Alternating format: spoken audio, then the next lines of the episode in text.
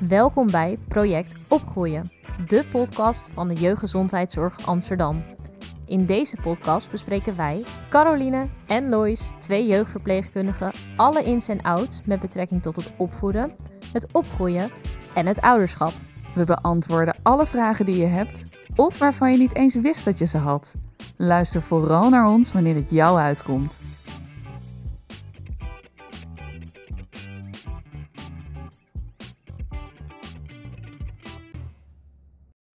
Welkom allemaal bij de podcast Project Opgroeien. Ook deze week weer een gloednieuwe aflevering en dit keer gaat het over de ontwikkeling van zes maanden tot één jaar. En natuurlijk ben ik niet alleen, want ik ben hier vandaag weer met Lois. Hallo allemaal. Ook vandaag bespreken we weer met jullie de vaste rubrieken. En aan het einde van de aflevering hebben we weer een paar leuke tips voor jullie. In twee eerdere afleveringen hebben we het al gehad over de ontwikkeling van je kindje tussen de 0 en de 3 maanden. En een aflevering over de ontwikkeling tussen de 3 en de 6 maanden. Dat betekent dat we vandaag het stukje van de 6 maanden eigenlijk al voor een gedeelte hebben besproken. Dus daar nog maar een klein stukje van zullen pakken. En natuurlijk wel gewoon de rest zullen bespreken tot je kindje 1 jaar oud is. Rond de leeftijd van 6 maanden zie je vaak dat er heel veel dingen gebeuren. Bijvoorbeeld dat de eerste tandjes gaan doorkomen. Het kan ook zo zijn dat je kindje misschien al eerder tandjes heeft gekregen, of dat dit later gebeurt. Dat is ook normaal. Maar gemiddeld zien we dat vanaf zes maanden de eerste tanden doorkomen. En meestal zijn dat de onderste twee snijtanden, dus die voorste twee snijtanden. Wat er ook eigenlijk wel heel schattig uitziet als dat gebeurt. Maar hoe merk je nu eigenlijk dat je kindje tandjes krijgt? Of waar kan je nu aan zien dat de tandjes doorkomen? Er zijn verschillende manieren waaraan je kunt merken dat de tandjes aan het doorkomen zijn. Nou, als eerst is het mogelijk dat je bobbeltjes in het tandvlees gaat zien. Wat daarbij ook mogelijk is, is dat je baby de behoefte heeft om op iets te bijten. Wat dan fijn is om aan te bieden, is een bijtring. En zoals we in de vorige aflevering hebben benoemd, is het heel erg fijn als je deze bijtring even in de koeling hebt neergelegd. Want dit zorgt voor een verlichting van het tandvlees. Daarnaast is het mogelijk dat je baby last heeft van koorts of spuitluiers. En het laatste is wel eigenlijk heel vervelend, want dan heeft je baby echt last van diarree. En dit heeft ja, wel een beetje nadelige gevolgen voor de billetjes. Dus zorg er goed voor dat je de billetjes blijft insmeren met een fijne crème. Ouders geven vaak bij ons aan dat ze het gevoel hebben dat de tandjes aan het doorkomen zijn bij hun kindje. En dat komt dan omdat hun kindje meer aan het kwijlen is. Enerzijds is dit waar en anderzijds eigenlijk niet. De kinderen gaan namelijk niet meer kwijlen omdat de tandjes doorkomen, maar er wordt meer kwel geproduceerd omdat ze meer gaan bijten op dingen. Ook omdat de tandjes doorkomen. Ze hebben alleen nog wat moeite om die hoeveelheid speeksel door te kunnen slikken. Dus dat moeten ze eigenlijk nog leren. Dus ja, kinderen gaan meer kwijlen als de tandjes doorkomen, maar dat komt niet doordat de tandjes doorkomen. Snap je hem nog? Misschien is het goed dat we nu meteen een uitstapje gaan maken naar tandenpoetsen. Het is namelijk zo dat we van start gaan met het tandenpoetsen zodra het eerste tandje doorheen is gekomen. Wat belangrijk is, is dat je dit één keer per dag gaat doen en ook vooral om je kindje hier alvast aan te laten wennen. Belangrijk is dat je wel een speciale peutertandpasta gebruikt met fluoride, maar zonder toegevoegde, uh, toegevoegde smaken. De grootte van de tandpasta is ongeveer even groot als een dopertje. In deze leeftijd is het misschien nog een beetje onwennig voor je baby en het voelt een beetje raar, dus doe dit gewoon spelenderwijs. Wat we vaak zien is bij het doorkomen van tandjes dat het een beetje kriebelt. Het kan daarom ook juist wel fijn zijn om tanden te poetsen, omdat dit ook voor een soort verlichting zorgt. Jullie kunnen nu ook starten met het poetsen van het tandvlees. Doe dit vooral zachtjes, met een beetje masserende bewegingen. Dit zorgt voor verlichting. Uiteindelijk gaat je kindje, net zoals jij, naar de tandarts. Het is echter nu al mogelijk, zodra het eerste tandje is doorgekomen, om je baby mee te nemen naar je eigen afspraak. Zo kan hij of zij spelenderwijs de tandarts alvast leren kennen. We maken een sprongetje naar de leeftijd van 7 tot 9 maanden. Omdat er in deze periode veel gebeurt, nemen we deze maanden in de leeftijd even samen. Wat we nu vaak zien is dat het kindje inmiddels kan zitten. Vaak zitten de kindjes dan op de billen met de benen gestrekt. Ook gaan ze wat meer interesse krijgen in de voetjes, dus spelen ze veel meer met de voetjes en kunnen ze bijvoorbeeld een blokje vasthouden. Ook een spannend moment voor de ouders, want waar je kindje misschien eerst van de zij naar de buik kon rollen of van de zij naar de rug, kunnen ze nu waarschijnlijk helemaal omrollen, dus van buik naar rug of van rug naar buik. Vanuit die buikligging beginnen ze nu vaak ook met kruipen. En in eerste instantie is dat nog tijgeren, dus met de buik op de grond. Maar langzaam komt die buik steeds meer van de grond los en zie je dat je kindje zich ook sneller gaat verplaatsen. Dus dit is echt iets waarbij je je kindje in de gaten moet gaan houden, want hij of zij kan er zomaar vandoor kruipen. Maar voordat we zijn aangekomen bij het echte kruipen, want dat gebeurt eigenlijk gemiddeld pas bij 11 maanden, zitten we nog in de tijgerfase. En het grappige is wel dat bij het tijgeren het vaak eerst gebeurt dat het kindje achteruit gaat tijgeren en dan pas vooruit gaat tijgeren. Er zit nog een stap tussen het moment van tijgeren en het moment van kruipen. Dit is namelijk wanneer je baby wel al op de handjes gaat leunen en op de knietjes, maar nog niet vooruit beweegt. Nou, er is ook een goede manier om dit te stimuleren. Hoe je dit kan doen is door je baby op zijn of haar buik neer te leggen met een stevig opgerolde uh, deken of een hydrofiele doek, zodat de armen gestrekt zijn en ze dus kunnen wennen aan deze positie. Je kan ook op het kleedje dan bijvoorbeeld wat spulletjes neerleggen met interessante texturen, dus verschillende materialen, waardoor het ook interessant is om in deze houding te zitten. Misschien is het ook leuk om nog wat tips te geven waarmee je je kindje kan helpen die misschien nog wat wiebelig op de billen zit.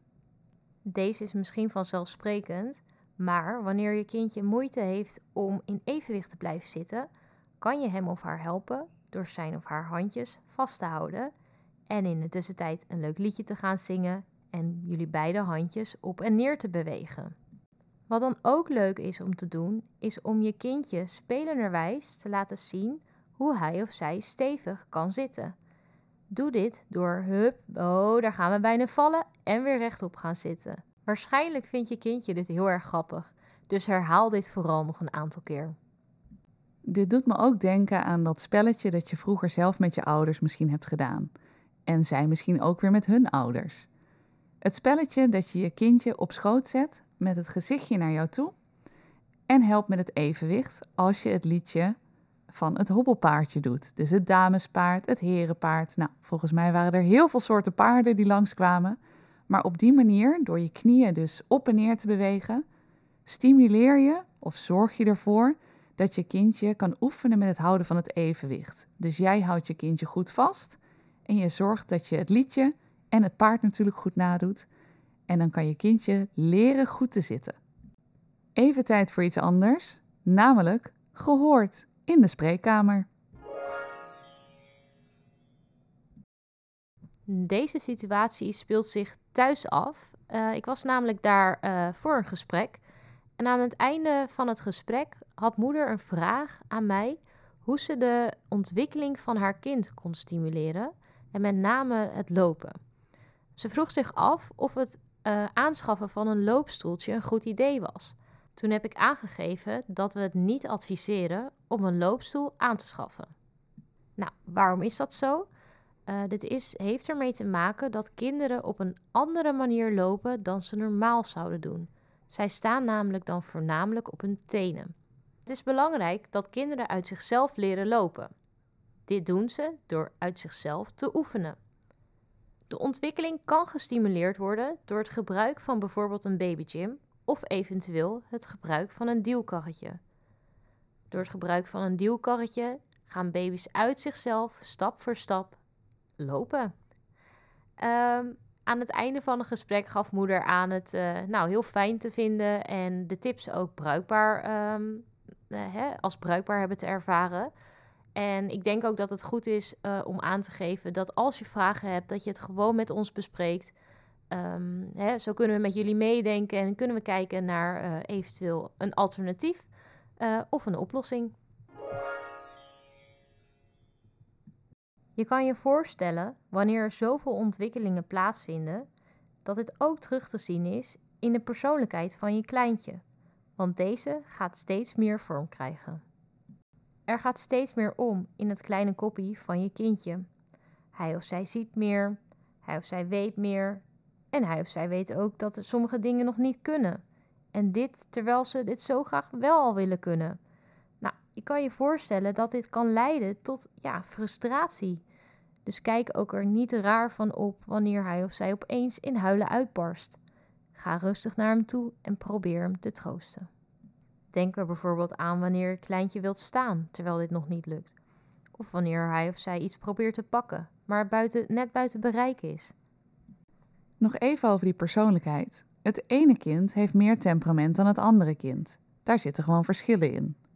Maar wat we ook zien rond deze leeftijd, is het welbekende eenkennig worden. Dus soms vinden kinderen het gewoon niet leuk meer of gewoon heel erg spannend om bij, in hun ogen, een vreemd persoon op schoot te gaan zitten. Nou, dit kan best opa of oma zijn, waarvan opa of oma denkt: Nou, mijn kleinkind vindt me helemaal niet leuk meer.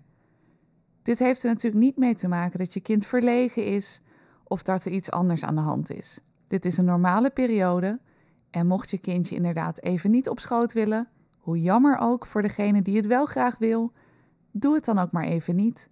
Meestal gaat dit gewoon vanzelf weer over en is het dus een fase. Het volgende onderdeel is onze vaste rubriek Feit of Fabel.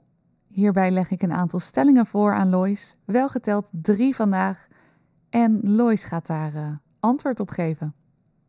De eerste stelling. Een baby mag vanaf zes maanden in een fietsstoeltje. Dit is niet waar. Het is zo dat je baby uh, in een fietsstoeltje mag wanneer hij of zij zelf stabiel kan zitten. De tweede stelling. Een baby leert van het kijken naar tv of naar een beeldscherm. Dit is niet waar. Uh, we horen toch dat ouders uh, hun kindje veel achter een tv zetten of achter de iPad. En heel veel beeldschermgebruik kan zorgen voor heel veel prikkels, waardoor je kindje oververmoeid kan raken. Daarnaast is het ook echt zo dat je kindje gewoon het meeste leert door zelf op ontdekking te gaan en te leren van anderen en hun omgeving. Dus tot de leeftijd van 1 jaar adviseren we geen beeldschermgebruik. Het is niet goed voor de ogen en de hersenontwikkeling. Een baby leert enkel door interactie. De derde stelling van vandaag. Een baby wordt actiever als je met hoge stem tegen hem of haar praat. Dit klopt. Het is zo dat een lage stem juist weer goed helpt voor het troosten of het kalmeren van je baby. Bij de leeftijd van 12 maanden, of gewoon 1 jaar, ga je merken dat de taal zich een beetje heeft ontwikkeld. Waar je kind rond de 9 maanden nog vooral baba, dada, gaga zei, begint het nu veel meer te brabbelen. Of misschien zegt je kind zelfs al zijn eerste woordje. Het is ook mogelijk dat er nu geluiden nagedaan worden, bijvoorbeeld dierengeluiden. Wat doet een hond? Woef woef. Of misschien wel als er een ambulance langs rijdt, dat je dan tatu, tatu, dat ze dit al een beetje gaan imiteren. Bij de motorische ontwikkeling, ook alweer de bewegingen, kan je zien dat je baby, nou ja, kindje eigenlijk, inmiddels echt stabiel los kan zitten. En ga je zien dat ze voorwerpen gaan gebruiken om te gaan staan. Dus zich optrekken van zitstand tot staan. Qua kleine beweging ga je zien dat ze dingen echt kunnen oppakken nu tussen duim en wijsvinger. Wat ook een leuke ontwikkeling is, is dat ze steeds meer gaan zwaaien en dat ze gaan wijzen. Kijk, die, die hoor je ze dan vaak zeggen. Wat leuk is, is dat ze daardoor ook veel beter kunnen aangeven wat ze nodig hebben of wat ze willen. En hierin komt hun karakter ook echt goed naar voren. Ze kunnen zich steeds beter uiten. Zoals beloofd hebben we nog een aantal leuke tips voor jullie. Het is namelijk tijd voor de tip top 3. De eerste tip gaat over het drinken van water uit een beker. Je kind van 9 maanden kan in principe slokjes water drinken uit een bekertje zonder deksel. Maar dit moet je vaak wel oefenen. Wanneer kan je beginnen met oefenen? Dat is vanaf het moment dat jouw kindje kan zitten. Je oefent dan met een beker, het liefst zonder deksel. En als dat niet lukt, met een beker met een holle deksel. Je oefent kleine slokjes. De tweede tip is om het speelgoed regelmatig om te wisselen. Zo blijft het speelgoed interessant voor je kindje. Elke leeftijd vraagt weer een andere manier van spelen. En hier sluit je dan goed bij aan. Tot slot de laatste tip. Je baby heeft vanaf 7 maanden objectpermanentie. Dat betekent dat je baby kan onthouden dat er eerst iets wel was in de kamer, terwijl het nu weg is. Daarom is het nu extra leuk om het spelletje Verstoppertje te spelen. Je kindje moet hier waarschijnlijk heel hard om lachen en voor jou is het ook leuker om dit spelletje met je kind te spelen. Weer ontzettend bedankt voor het luisteren. Volgende week staat er natuurlijk weer een gloednieuwe aflevering voor jullie klaar. En we hopen dat jullie dan weer naar ons luisteren. Dus tot volgende week. Tot volgende week.